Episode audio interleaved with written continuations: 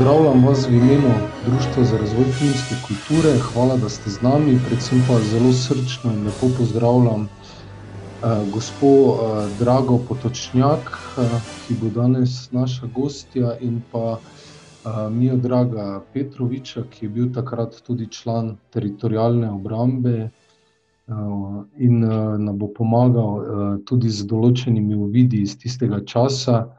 Eh, tukaj iz eh, Štajerske regije, iz okolice Slovenske Bistrice. Tako da pozdravljena, draga, pozdravljena. Ja, dober večer. Bi lahko še enkrat eh, še eno knjigo napisali, potem, kar se je dogajalo, potem mogoče malo strnete vtise po, tem, po teh sedmih letih, kaj novega se je vmes zgodilo. Um, kaj ste doživeli po izidu, izidu knjige in ali se je kaj uh, v tem primeru uh, ob, obrnilo na bolje, spremenilo, uh, smo se začeli o tej stvari pogovarjati, kot je treba. Mogoče je bil nek osnovni cilj uh, s tem dosežen, s knjigo, uh, skrito povelje. Uh, ker sem zbrala vendarle v njej toliko podatkov, da, uh, da je nekako resnica uh, postala nedvoumna in sicer to, da uh, Toni uh, ni bil uh, zgolj pripadnik JLA, ampak da je sodeloval z teritorijalno obrambo, od avgusta 90, po nekaterih podatkih, po nekaterih uh, malce kasneje. Uh, in pa da so ga, uh, mislim, da sem to nekako dokazala, da so ga se streljili za propagandne namene.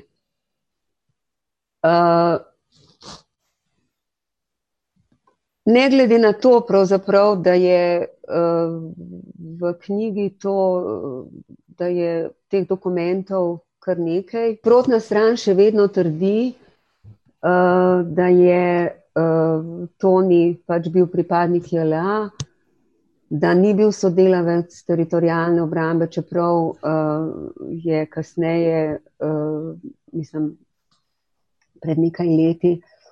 Uh, to pravzaprav ta boj, ki ga je moja sestra bojevala, uh, skoraj 18 let, uh, potem um, dobila papir, na katerem je to nedvoumno pisalo, oziroma piše, da je bil uh, Toni sodelavec uh, teritorijalne obrambe.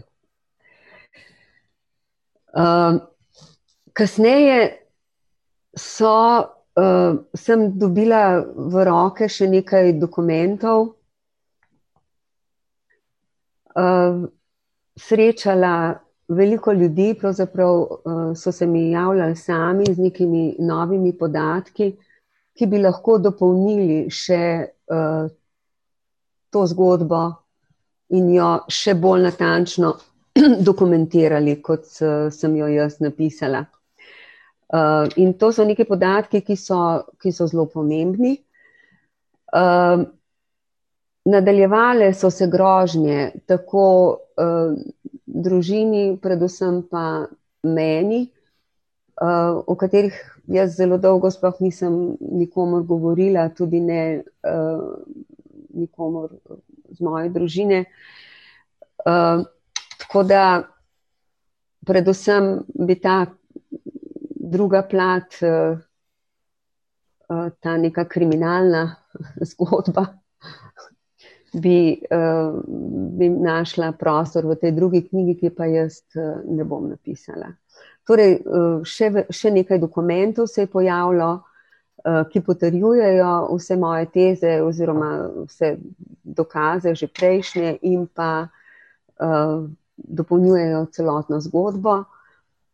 Uh, in pa pritiske na družino. Vmes je tudi moja sestra tožila um, Krkoviča, brigadirja Krkoviča in pa dva neznana streljca. In je to uh, kot privatna oseba, ker država ni storila nič in nikoli ni tega primera raziskala, če bi, čeprav bi ga morala. Um, in uh, dejansko je v, tisti, uh, v tistem odgovoru, ki ga je dobila sestra, v odločbi je bilo zapisano, da je primer zastaral. Uh, se pravi, ni bilo zanikano to, da je šlo lahko za uboj oziroma za umor. Um, in uh, verjetno je tudi to pravno res, kar recimo trdi gospod uh, Matej Škrivic in še kar nekaj pravnikov, da je bila tudi ta zavrnitev strani sodišča uh, pravno neutemeljena, uh, zato ker sta bila v helikopterju dva človeka in gre uh, po zakonu, ki je bil takrat v veljavi, bi se moralo, mislim, uh, to, bi to pomenilo, da ta primer ni zastaral. Vendar se je sestra odločila, da potem ne bo šla naprej, ker je sklenila, da je uh, pravzaprav dosegla moralno zmago, v, kar sem jaz absolutno prepričana. Zato, ker je ta primer postal. Tonijo primer postal nekaj, kar uh, živi, uh, živi uh, v tem našem prostoru veliko bolj kot pa recimo pred knjigo.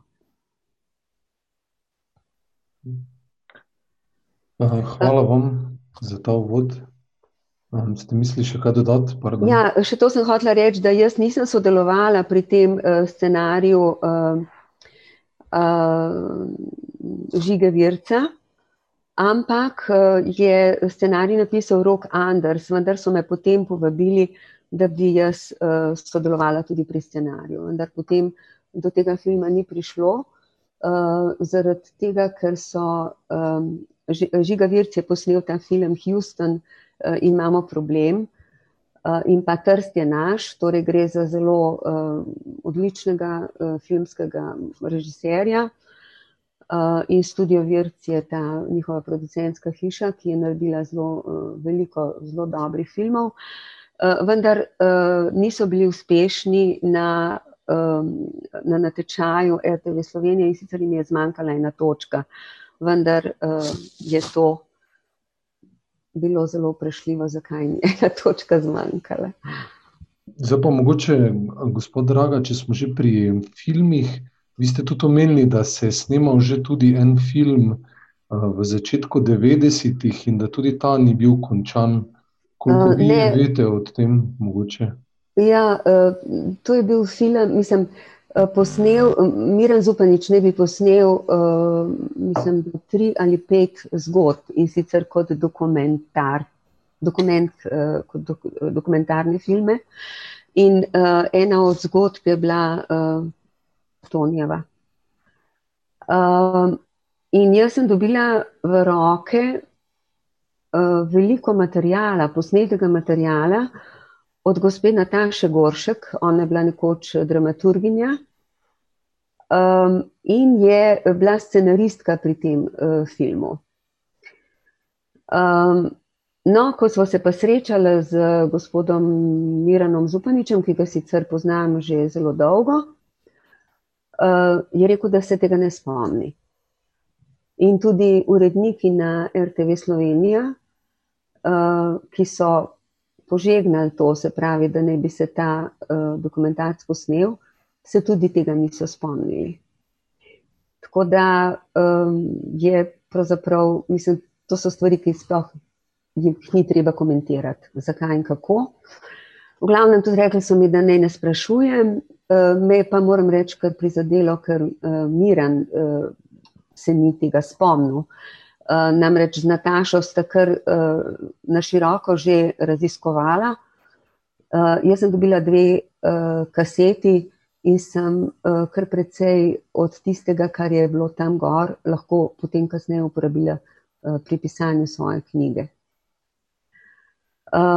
Potem je pa pred štirimi leti, mislim, da Matic Štancar, študent AGRFT takrat še, posnel film Sestreljeni, kratek film o družini Mrlak. Uh, o Mili, uh, Tomažu in Bredi in otrocih, uh, ki je pa pravzaprav, mislim, v, razen je na stavku na začetku, ne govori o sestrelitvi, ampak samo o tem, kako oni živijo potem. In to je ena taka zelo poetična uh, filmska pripoved, zelo pretresljiva, uh, ki pa morda tudi zaradi te vsebine, ki jo ima, uh, ni našla take pozornosti do sedaj, se pravi, da, se, da tudi vpliva na, na, na, na življenje tega filma. Ne, Mislim, da ta cenzura pri nas je pravzaprav zelo močna. Verjamem pa, bile so tudi uh, v mini teatru, uh, so mi predlagali, pa potem uh, ni prišlo do tega zaradi režiserke iz Bosne, ki potem ni mogla priti to režirati, da bi jaz napisala dramo na, na temo uh, svetega povelja, Tonjeve zgodbe. Tako da, in uh, prepričana sem, da ta film bo enkrat posnet in tudi kakšna gledališka predstava bo še napisana. Da. Ker je uh, Toni junak, uh, jaz pravim v knjigi kot uh, tragični junak, pravi tragični junak v tistem starogrškem smislu. In uh, te stvari bodo vedno živele. Tako da to so stvari, ki so večne. To ni večen. Ja, se, se strinjam, vaša knjiga me je zelo ganila in tudi uh, poleg zelo osebnega čuta in uh, spoznati človeka, kot je bil Toni, uh, hkrati tudi mi dala velik pogled, uh, koliko je politika pripravljena ne, žrtvovati za, za to, da ne vem neko agendo potisne naprej. Zdaj, da, omenili ste, da dosti ljudi kar naenkrat se ne spomni, kaj se je takrat dogajalo. Zdaj, ob dnevu, ko se spominjamo samostojnosti in enotnosti, so tudi, tudi nekateri izmed njih še vedno na pozicijah, na oblasti. Um, zakaj mislite, da so to zgodbo? Um, v bistvu želeli zamočati, oziroma zakaj je tako uh, pomembna, tudi ker se mi zdi, da zelo, zelo dobro to v knjigi prikažete. Uh, in zakaj se je tako dolgo v njej močalo, in zakaj se še zdaj marsikdo spreneveda, kaj bi, kaj bi lahko povzročilo, če bi ta zgodba dobila nek sodni ali politični epilog. Uh, jaz mislim, da zamočana je, uh, hoče, da bi bila zamočana zato, ker se pač ljudje, ki so odgovorni za to njevo smrt, uh, vedo, da so odgovorni za to njevo smrt in se počutijo pač, ne vem, bom rekla, krivi, ampak vsekakor vedo, da se da dokazati njihovo odgovornost. In na nek način uh, se mi zdi, da sem jo tudi jaz že dokazala v svetem povelju. Um, Zdaj, ta zgodba uh, gre za osebno tra tragedijo in zato je uh, to tako velika zgodba in tako močna, zato ker gre za človeka, ki, uh, ki je uh, mislil dobro, se pravi nasprotno od tega, kar vidimo, da se dogaja od takrat uh, 30 let v, v tej državi. Uh, in na drugi strani so ljudje, ki so s tem povezani. Uh, in seveda, če bi se začelo takrat o tem govoriti, potem ti ljudje verjetno ne bi prišli do teh pozicij uh, in jih ne bi zadržali toliko let. Zato, ker uh, zanimivo je bilo to, da pravzaprav zanimivo, tragično, da uh, Slovenija je mehna in uh, vse ljudje, mislim, se poznamo med sabo in vse, recimo, zgodbe, ki so nas, vse te zgodbe, vojne zgodbe, bom rekla, iz te tako imenovane desetdnevne vojne, so, so povezane potem uh, naprej za tolkimi nekimi aferami, neprijetnimi, težkimi pod navednicami, mafijskimi zgodbami in tako naprej. Tako da to je neki, ta zgodba stoji na začetku in preseva skozi trideset let, ker so noter so elementi, ki se potem kasneje nam dogajajo še zdaj. Moja sestra je vedno rekla: "Nič drugega si ne želim, samo naj se opravičijo." Ona ni krivila nikogar, ona je rekla, ne, dolga leta je govorila, da nikogar ne krivi, samo naj se za božjo voljo vsaj opravičijo. Nihče se ni opravičil. Zdaj imamo mi vse to, kar se dogaja okrog korone, in jaz sem vedela na začetku da po kakšnem, na kakšen način se bo odvrtela ta naša koronska zgodba, takrat ko je prišel Janša na oblast. Zaradi tega, ker je jasno, ker so še druge žrtve, ne samo to, ni te desetdnevne vojne ali pa potem kasneje, ne. In jasno je, da mu ni nikoli bilo do ljudi. In da mu gre samo za oblast in zato je ta njegova pot tako premočrtna. In če se ljudje niso sposobni opravičiti, to pomeni, da jim je vseeno za, za ljudi. Ampak s tem bi seveda morali tudi priznati neki, neki odstotek svoje krivde, ne, recimo zdaj pri v teh žrtvah, ki, žrtvah korone.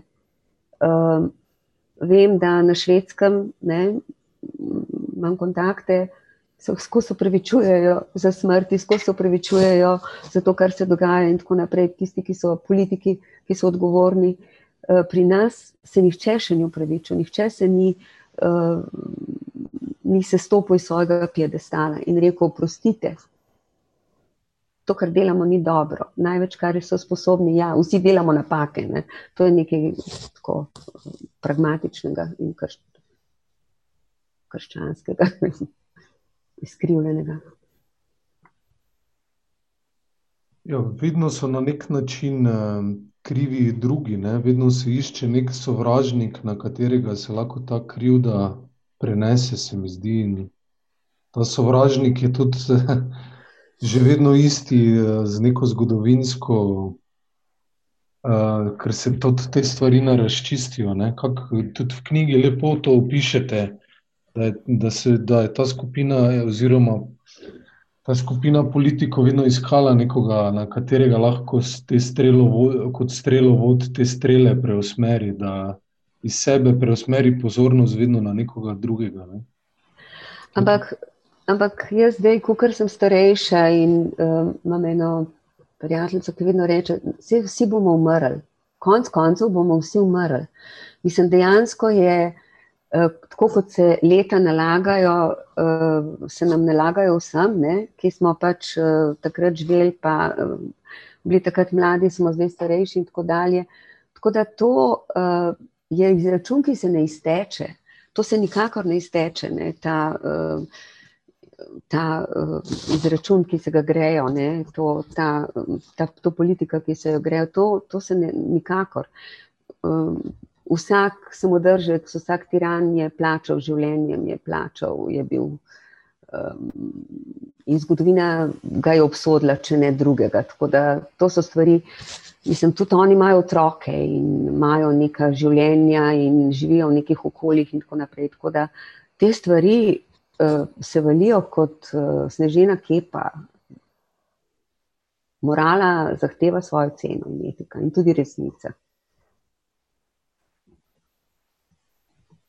Hvala za te spodbudne besede v teh časih.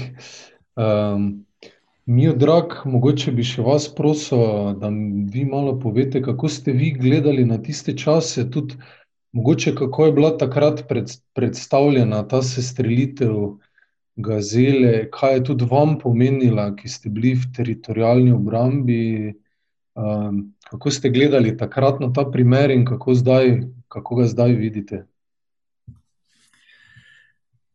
Zdaj, meni je komentirati to je malo težje, zato ker sem izhajam iz Maribora in v tem času sem bil v Slovenski Bistrici.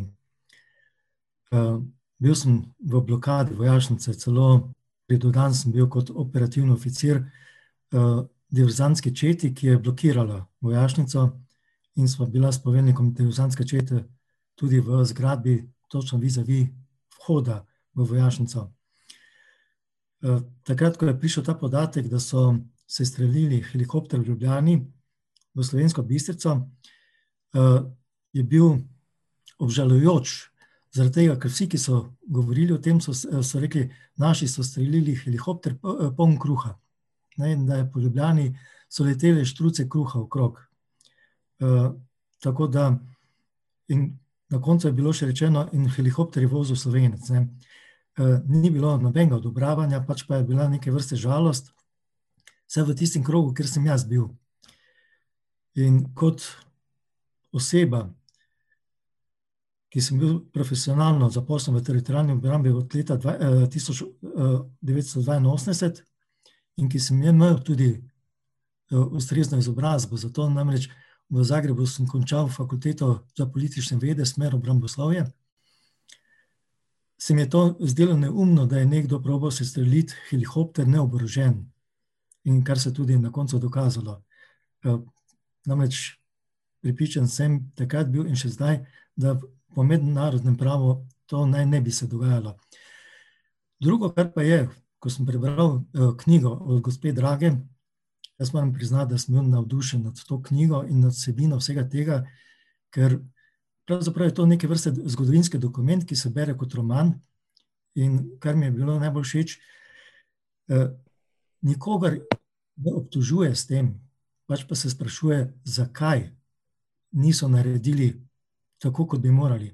V knjigi točno postavlja vprašanje, da družini njegovi bi bilo čisto razumljivo, da je pač prišlo do tega, ker v vsaki vojni se dogajajo, bom rekel, nesreče in neumnosti zaradi okoliščin, ki so pač takrat, ampak pa tudi na koncu, če so že to izkoristili kot za, za propagandne namene, da bi na koncu lahko tudi priznali, tako kot je Draga v knjigi napisala, družina ne bi temu zamerila, če bi priznali, da so naredili napako, eh, ki pa je na koncu koncev koristila eh, in prispevala k slovenski zmagi, lahko tako rečemo, in doben ne bi zameril in bi to, tudi to razumeli, ker na koncu koncev tudi po 45. Eh, letu so se v Sloveniji dogajale ne ravno lepe stvari, na katere tudi takratni uh, izvrševalci tega niso bili ravno najbolj ponosni, to vem iz virov, s katerimi sem bil kot mladenič v stiku, namreč po očetovi strani, da niso bili ravno ponosni na to, ampak so nekako rekli, to, uh, še posebej poznam enega oficira iz takratnih časov, ko rekel na to, na to dobesedno rekel, na to ne rabimo biti ponosni imel je pa takrat v eh, sestavi čin podpolkovnika in je bil uh, udeležen teh zadev. Ja, ampak gradili so naprej in zgradili nekaj, kar, se, kar v teh 30 letih nam v samostojni Sloveniji ni uspelo, vse po mojem pripričanju. Ne.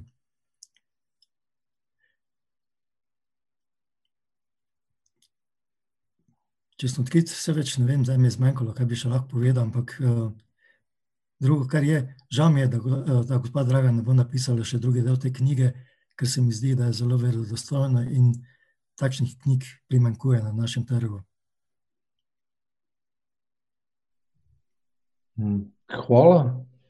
Mogoče me še zanima, tudi eh, prej ste omenili, da so tudi, in tudi um, Draga v knjigi opisuje, da se je dosti vojakov potisnilo na stranski tir, ki pač niso bili po volji takratne, takratni komandi in kasnejši politični vrhuški, da ste tudi sami to na nek način doživeli, ker nimate pravega primka, ne, če sem prav razumel. Upam, da nisem rekel preveč banalno. Ja, namreč moj oče, kot podoficir Jugoslavijske ljudske armade, prišel v Maribor leta 1950 z mojo mamo. Poročila sta se v Zagrebu. Jaz lahko rečem, da sem otrok takratne Jugoslavije, ker oče je bil srbske narodnosti, mama pa hrvaške. Poreklo očetovo izhaja iz Črne gore, mamino pa iz Slovenije. Namreč en priimek je bil Smrekar. In že kot otrok sem bil priča določenih antagonizmov, tako da da do takrat, do še pred tem sem se vedno imel za Jugoslovana in sem imel tudi jugoslovansko narodnost, dokler ni prišlo do spremembe, takrat sem narodnost obdržal po očetovi želji srbsko, ampak sem vedno bil državljan Slovenije. Rojen sem pa v Mariboru. In Mariborčana se počutim vedno in skozi, tudi Slovenca.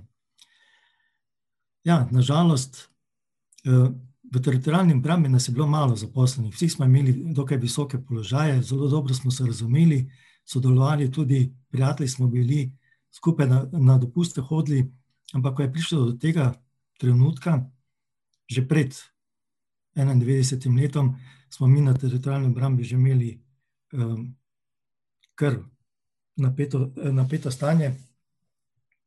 Najbolj se je to poznalo z zasedbo republiškega štaba Teritorialne obrambe. Takrat smo se mi iz prostorov, ki smo jih imeli v najemu od mariborske garnizije v Melju preselili v dom Pekre. Takrat moram reči, da sem doživel prvi takšen večji udarec, ki me je zabolel. Namreč v tistem času, ko je prišlo do tega, sem jaz bil dežurni oficir. In kot dežurni oficir bi moral biti prvi obveščen, kaj se dogaja, in moral tudi mobilizirati svoje sodelavce. Jaz sem dejansko prišel v službo ob sedmih, tako kot običajno, vsi so že bili mobilizirani, ko sem prišel, so me začudeno pogledali, kaj delam tam. Takrat sem ugotovil, da sem nezaželen.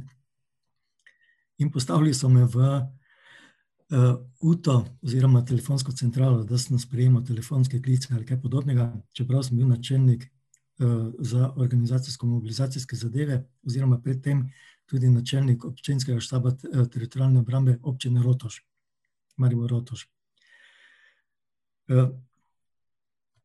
Ampak svoje delo sem opravljal skozi, tudi ko smo šli v Pekre. Moram celo reči, da me je takratni poveljnik pokrajinskega štaba Milošević poklical k sebi in me vprašal, če bi ponovno prevzel službo načelnika za organizacijsko-mobilizacijske zadeve. Ker pa mi je omenil, da jaz nisem njegov prvi izbor, pač pa da so me kolegi predlagali, sem mu tudi rekel, da ne bom sprejel tega položaja. Zato ker ne bi bil zadovoljen z menoj, če nisem njegov prvi izbor. Tako sem ostal skozi v sestavi mariborskega mestnega štaba in kasneje sem bil pridodan v Slovenski Slovenski Bistrici, kjer sem bil načelnik operativnega oddelka. Po uradni liniji četrti mož štaba, drugače pa tretji mož po poveljujoči liniji, kar se tega, kar se dogodkov tiče. In bil neposredno udeležen blokade vojašnice v Slovenski Bistrici. In moram reči, zahvaljujoč tako eni kot drugi strani, ki so se poznali med seboj, tako kot je bilo tudi opisano v knjigi gospe Drage, ko je tudi hrvaški general dal vedeti, da bo težko prišlo do tega notranjih spopadov, ne ena ne druga stran si ni želela bojev. Zato se je v Slovenski Bistrici vse mirno končalo. In kaj naj še rečem? Vesel sem bil, da se je končalo, in vesel sem bil tudi, da mi ni bilo potrebno izstreliti niti enega naboja. Čeprav je bilo kar napeto. Ko ste brali to knjigo, so bili to vojaški postopki, je bilo to potrebno ali ali je bila tukaj preveč vpletena politika in neki osebni interes, kako vi, vi to vidite, koliko se je to prekrivalo med sabo in koliko je to mogoče tudi neupravičeno v taki situaciji, koliko lahko škodi tudi državi v tem smislu? Zdaj, tako le, ko, ko sem to knjigo bral, pa tudi trilogijo uh, uh, z Gage in pa še nekoga. Ne? Šurca, ne? Matej Šurc, pa z Gaga. V imenu ja. države, misliš, verjetno. Ja. Uh, sem imel nad marsičem, kar sem imel slišati in videti, uh, slišati, pa na, uh, tudi, kar sem imel priložnost videti, razočaran. Namreč, kot eden od oficirjev v slovenski bistrici, sem bil pričan, kako se je prodajalo orožje. Pa takrat jaz to nisem za zlo, ker sem smatral, da se bi morali pomagati med seboj. In sem to uh, prodajal celo odobraval. Uh, nisem pa vedel, dokler en oficir iz Hrvaške, ki je prišel do nas in nažalost je prišel tudi do mene in me nadrl, da mu nismo vsega izročili, kaj so plačali. In mi je tudi pokazal račun, kaj so plačali. Jaz se tega sicer zelo dobro spomnim, nisem pa kopiral tega računa. Uh, pristopajo pa zraven tudi moj nadrejeni Petan in on je tudi pogledal in je rekel, da preostali del morajo dvigniti v Murski soboti to so bili neki raketni sistemi. To se je tudi končalo. Malo sem bil razočaran, da prijateljem, prijateljem ki bi naj pomagali v njihovem osvobodilnem boju, zelo drago zaračunavamo orožje, ki smo ga dejansko dobili za stojn. Pa na koncu koncev, če smo ga že zaračunavali, sem smatral, da bi pač od tega s tem denarjem morali graditi novo slovensko državo ko sem zvedel, da je to pravzaprav več ali manj šlo v privatne roke, sem pa bil hudo razočaran. Namreč, jaz sem takrat Janšo smatral za neke vrste heroja.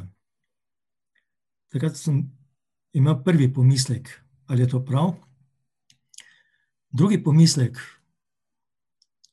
pa je, ko sem bil v, že v slovenski vojski in načelnik učnega centra Slovenske bistrici, 710. učnega centra, ko smo dobili obvestilo ali prepešo, da Janša dejansko pripravlja državni udar, takrat za mene on dejansko več ne obstoja.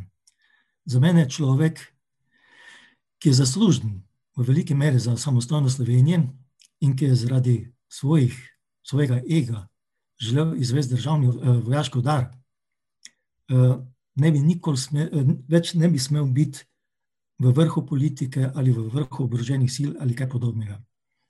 Ker takrat si ti za figo v žepu pristopil k osamosvitvi Slovenije, ker si želel biti v samem vrhu ali prvi med vsemi. Ne glede na to, kako in kaj. In če bi si to zaslužil, bi bil, nikakor pa ne za silo ali za prisilo. No, vsa sreča, da do tega ni prišlo. In marsikdo še dan danes ne verjame, da je to želel dejansko izvesti. To je bilo tudi zanikano, dokaj se enkrat ni uh, njegov človek, ki je danes v Bruslju, Mari Bočan, ni zagovoril, da je dejansko načrtoval državni dar. Uh, zver, Milan Zver. In za mene, tako kot je sama spomenka rekla, da je sram, da je njen predsednik vlade, eh, maršal Tito, da o tem govorijo, da ga tako naslavljajo v tujini. Ja, tudi mene je sram, da je predsednik vlade. Uh, dobili smo tudi prvo vprašanje za gospod Drago. Uh, gospod Pavel Ocepek uh, sprašuje, glede na to, da ste omenjali grško tragedijo, kjer vemo, da tragedijo razrešijo bogovi, kdo lahko v tem slovenskem prostoru razreši to vprašanje in reče: Bob, Bob. Oziroma, kako razumete obelisk, ki so ga postavili na mesto sestrelitve? Je to dejanje zadostilo bogovom ali je potrebna večja daritev? Tisto, kar je ob vseh teh 30 letih, odkar obstaja slovenska država, kar bi se morali pravzaprav vprašati, pa na drugi strani obstoj Janša, Janšizma in tako naprej, je, kaj ljudje, kaj narod, kaj državljani projiciramo v, te, v svoje voditelje. In uh, zdi se mi, da je pravzaprav Janša izjemno dobro izkoristil en zgodovinski trenutek.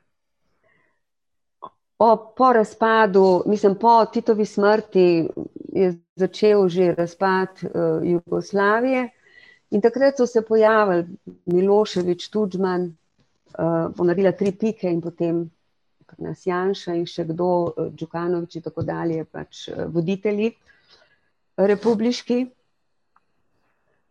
Uh, in uh, zdaj bistveno je, kaj so Slovenci ali pa državljani Slovenije projicirali v Janšo in kaj je on izkoristil. Te želje po samostojnosti, po samostojni državi, ki so bile, seveda, ki so stoletja, ki so stare stoletja ne, in so, so so bile izjemno, izjem, so, so izjemno globoke in izjemno močne in verodostojne. Uh, hkrati pa je bilo to neprestano ne, uh, nezadovoljstvo tudi v Jugoslaviji, uh, slovencev, srbov, na drugi strani Hrvatov in posameznih narodov. Vsak je imel nek svoj razlog, velik za to. Uh, in Slovenija, predvsem, da uh, ker je bila bolj razvita, najbolj razvita republika, da ogromno denarja uh, plačuje za, za, uh, v, v, v budžet uh, Jugoslavije in da, gre, in da bi ta denar dejansko znali mi tukaj veliko boljš in veliko bolj pametno uporabiti. Ne. In zdaj odgovarjam gospodu Cepku. Uh, bogovi so stopili na zemljo, ne?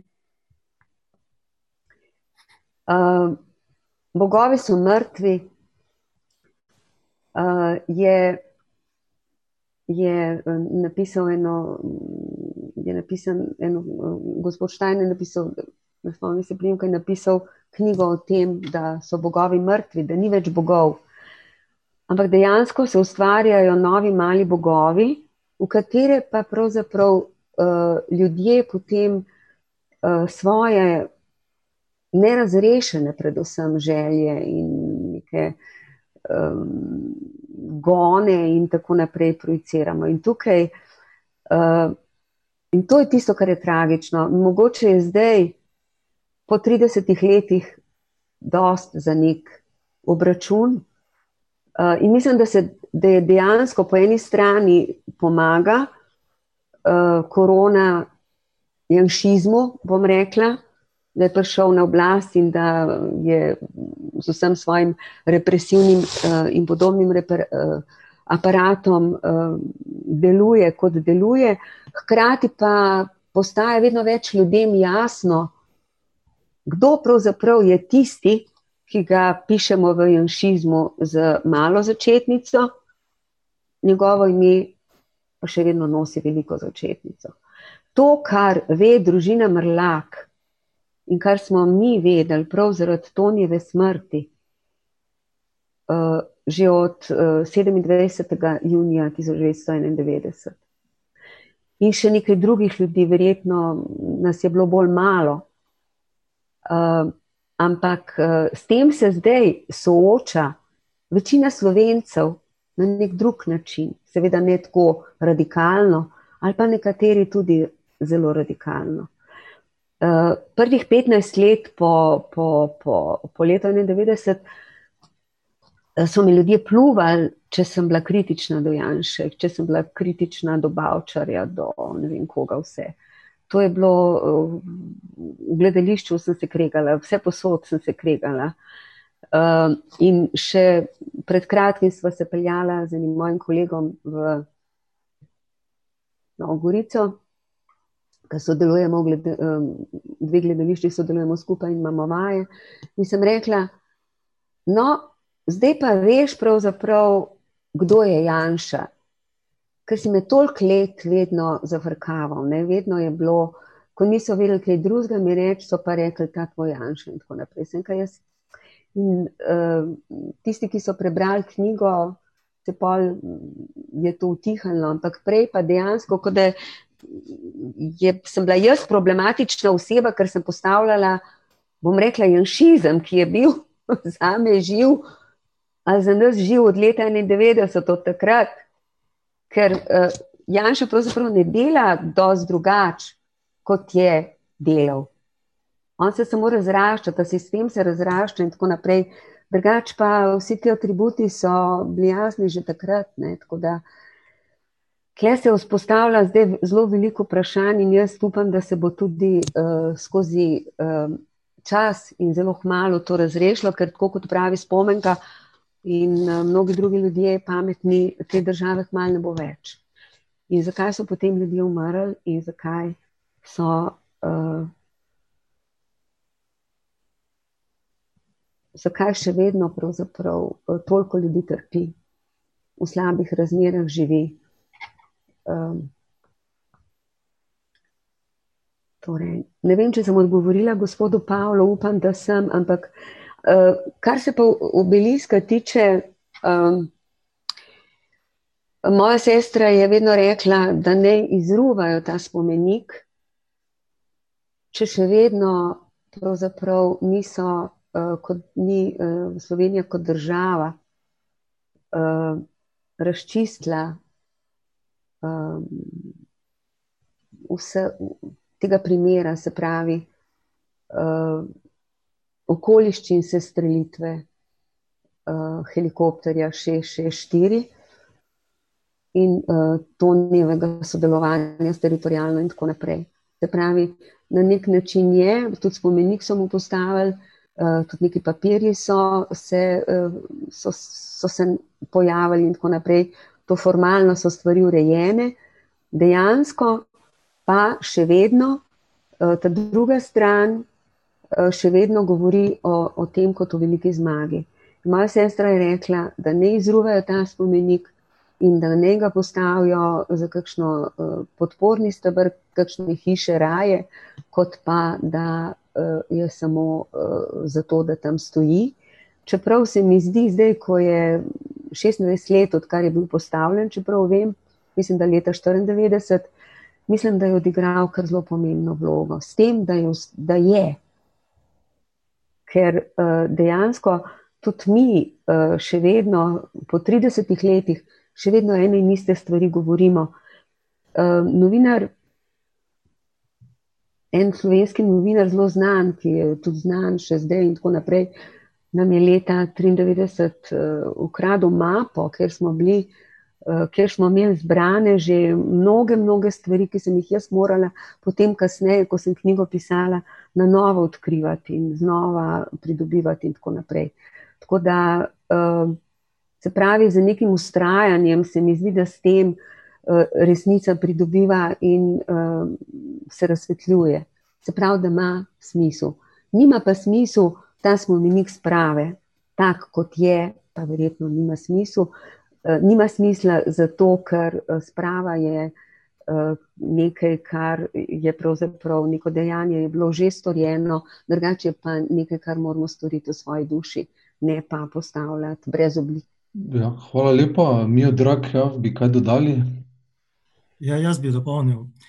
Jaz pa menim, da bi je prav, da ta obelik stoji, bom rekel iz dveh razlogov: v ponos in v sramoto Sloveniji. Zakaj ponos? Da je bila dosežena ta zmaga za Slovenijo in na koncu za tudi za Tonija Mrlaka, ker on je imel pomembno nalogo, tako kot ste v knjigi omenili. Jan še rekel, da se je sam kriv, ker ni pribegnil. Ne? Ja, on bi lahko pribegnil, ampak je imel nalogo, da, pribe, da pri, pri, prileti na uh, stran z helikopterji. To pa ni enostavna naloga.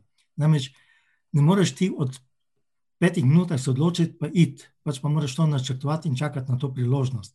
Lepo ste v knjigi povedali, da priložnost za tri gazele prileteti je zelo malo takih eh, trenutkov, ko bi to lahko napravili.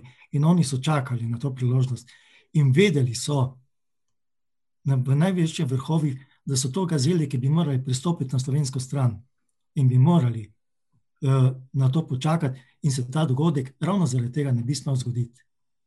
Zato mislim, da v ponos in sramoto Sloveniji bi ta oblik moral še naprej stati. Tok z moje strani. Hvala. Um, imamo še tudi eno Se vprašanje. strinjam, hvala Mišo, Mhm. hvala, se strinjam.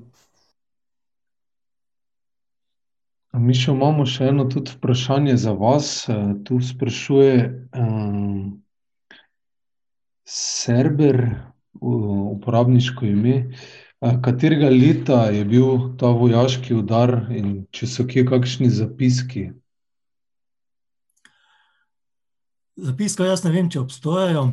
Mi smo bili, katerega leta, tudi težko povem, zaradi tega, ker jaz sem postal načelnik, mislim, da leta 92. leta in ker menda to leto ali pa naslednjo leto, je prišlo, eh, mislim, da že kar to leto. To je bilo po Depali vasi, če se ne motim. Ko smo dobili to depešo, da moramo biti v pripravljenosti, če bi prišlo do državnega udara. In mi smo bili takrat pripravljenosti, mislim, da vsaj dva dni, če ne več. Zdaj mislim, da je bilo tudi v predstavi Republika Slovenija to omenjeno, če, če koga to zanima, ki ga je tudi mladinsko gledališče de- delalo. Ja. Zdaj tudi se je javil uh, gospod Tomaš Mrlak, uh, ki je napisal v komentarje, nam so stari piloti pripovedovali, da so leta 1994 sedeli v helikopterju specialci, da bi trenirali desant na parlament. Um, to vi, kaj poznate, tudi mi, drago, več o tem? Ne, ne, ne poznam. Uh, jaz sem tudi srečala ljudi, ki so, uh, ki so uh, na strani policije, ki so uh, bili v pripravljenosti in dejansko, pa ne samo v pripravljenosti, na nek način je prišlo tudi do spopada, do spopadov med to stranjo in med uh, policijo. Takrat je potem Janž, Drnovšek pravzaprav prišel k sebi in je uh, začel resno jemati vsa ta opozorila. Uh, in je takrat pravzaprav uh, se stopil, ne, je je izgubil, uh, Janša ni bil več obrambni minister, je izgubil položaj. Tudi mladina je pisala o tem, ravno piše ena gospa. Ja, in pa uh, ta trenutek se ne morem spomniti knjige, ker je tudi to opisano, pa se bom.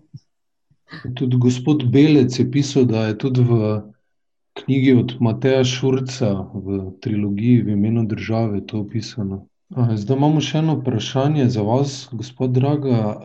Boštjan Tavčar eh, sprašuje, oziroma pravi, da je tudi šel strip uh, Skrito povelje. Če lahko kaj več poveste o stripu. Uh, ja, strip je, sta, uh, strip sta zagrešila, sta uh, Zoran Smiljanič je narisal in pa Marjan Pušavec je napisal uh, besedilo stripa. Um, in uh, je mene, moram reči, da to zelo razveselilo, uh, ker na predstavitvi knjige leta 2013 uh, je prišel, um, pravzaprav me je Marjan Pošavec, ki je takrat delal v knjižnici, me je vprašal, če bi uh, bila družina za to. Sem rekla, seveda, jaz mislim, da bodo, jih bomo vprašala. Ne? Ampak zdelo se mi je zelo, uh, zelo fajn, da je prav strip, da je uh, nekaj, kar je pravzaprav tako drugačno in kar je uh, v stripu. Uh, se strip ima svojo, svojo govorico no? uh, in je zelo jasen in zelo uh, direkten, tako da se mi zdi svojo ciljno publiko, tako se mi je zdelo zelo pomembno, da je, da je strip. Ja. Ja, tu. V mladini je tudi izhajal. ja, tu smo to dobili pravi naslov, uh, zadnji let Tonija Mrlaka. Zadnji let stripa. Tonija Marlaka. Ja. Zdaj, ob tej, ob, ko se je Tomaš javil, bi rada opozorila uh, na, uh, če morda kdo ne pozna uh, to stran, uh, spletno stran tonimrlak.com. Uh, in ravno danes mi je rekel Tomaš, da ima 100 tisoč ogledov. To mislim, da je kar uh, zelo pomemben, uh, velik podatek. Pravzaprav.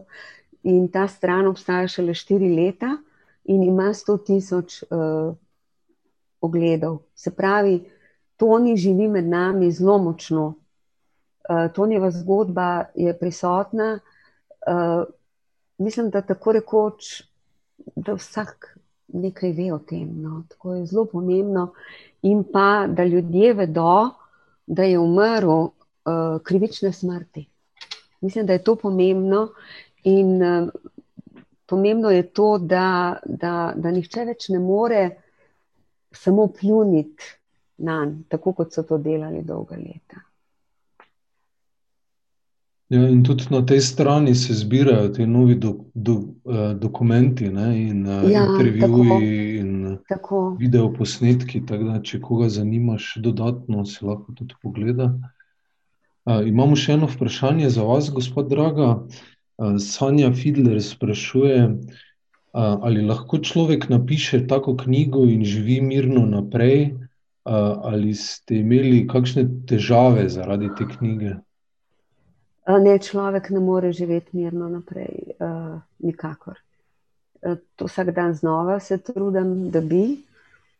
Um, Veliko stvari se je dogajalo. Um, Matej bo šurc, bo njemu in svetlani sem par stvari povedala, tako da jih bo on zapisal. Uh, razmišljala sem, da bi jaz že nekajkrat, da bi o tem pisala, pa me potem vedno znova mine, ker je o tem zelo težko govoriti. Preden sem se lotila knjige, ki se nikoli ne bi, če ne bi šlo uh, za res tako, tako krivično smrt, ker je bil Toni res tudi izjemno, izjemno, izjemno, izjemno dober človek in pozitiven in velik človek. Uh, in če se mu ne bi in družini taka velika krivica zgodila, se jaz tega ne bi nikoli lotila, ker sem vedela, da ne da so stvari nevarne, ampak da, uh, da me zadej čaka še marsikaj, vendar le se na to ne moreš pripraviti.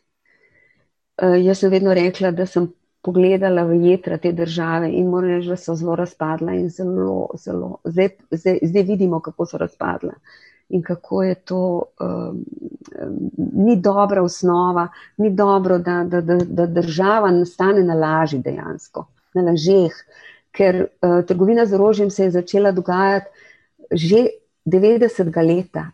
Že takrat, ko so prevzeli orožje, so, so začeli tudi trgovati, o tem piše in dokumentira Matej Šurc v svoji trilogiji iz Gaga.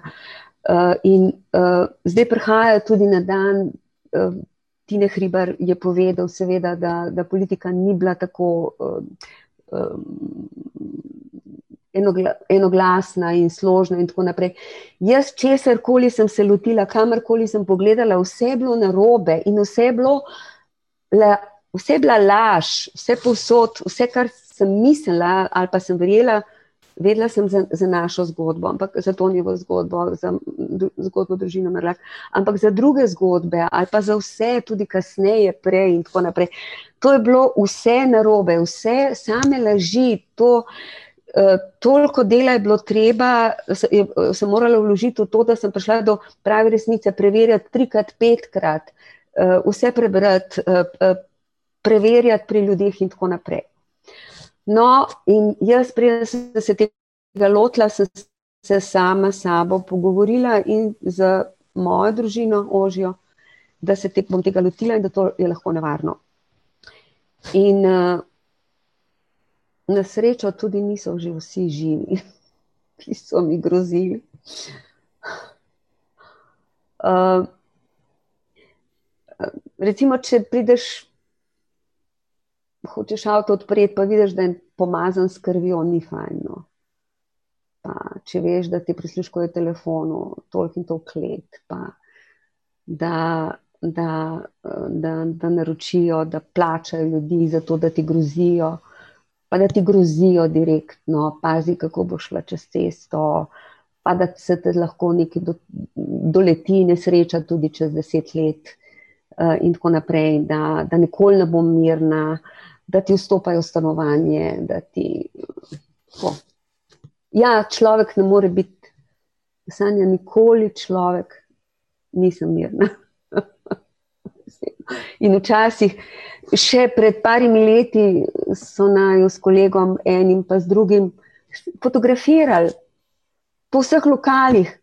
hodili za nama, mislim, se zmenim tukaj in tukaj, in potem uh, je tam isti človek, kot je bil pred enim tednom, isti človek naj že čaka, greva v drugi lokal, vedo, da smo zamenjali lokacijo, so že tam in tako naprej. Tako da ne prestano, uh, ne prestano. In pa zelo veliko stvari sem morala zvedeti, ki jih ne bi hotela zvedeti, ki, ki zelo obremenjujejo, ki niso fajn. Mislim, da se ne bom zdaj delala žrtvo, ampak v glavnem. Uh, mogoče bom pisala kriminalke, ko bom uh, šla v pokoj, pa bom to dala ven. Tako da bom mal uh, zaslužila na ta račun. Tako. Ampak ne more biti miren in mislim, da to zdaj doživljajo tudi mnogi ljudje, ki se izpostavljajo ob protestih, uh, da doživljajo podobne stvari in zelo velik mislim uh, na, uh, na gospoda Galeta in uh, kako je njemu.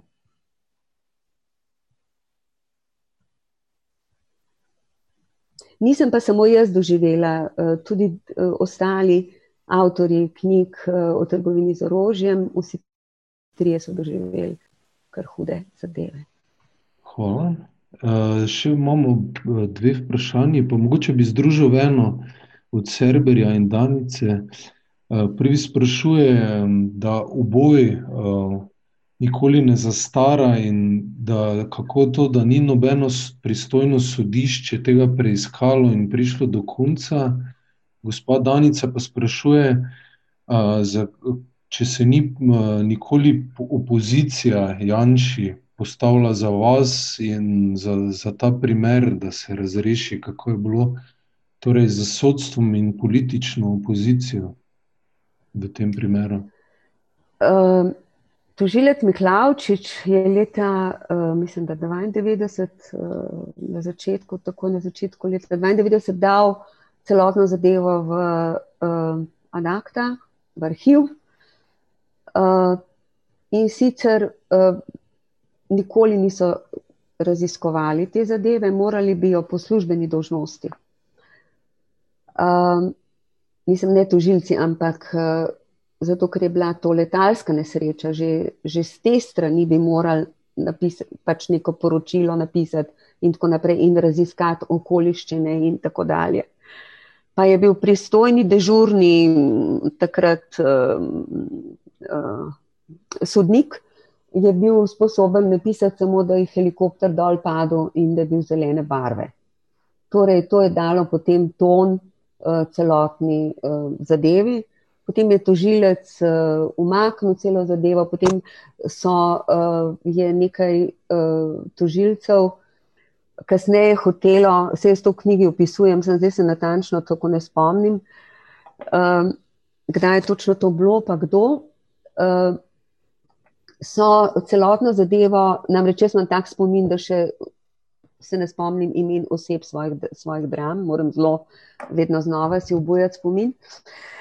Uh, tako da so kasneje potem uh, imeli neke pomisleke, da mogoče bi morali to zadevo vendarle, uh, vendarle rešiti, vendar je znova prišlo do, uh, do odločitve, da gre zadeva v arhiv. In jaz sem potem te papirje našla, hvala Bogu, v Ljubljanskem arhivu. Tako da kasneje, jaz sem vedno tudi rekla, ne me tožijo, zato da bo zadeva prišla. Uh, da se bo razčistila. No, uh, potem se je po knjigi, eno leto zatem, se je moja sestra odločila, da bo tožila. To sem povedala že na začetku. In uh, se je celotna zadeva neslavno končala.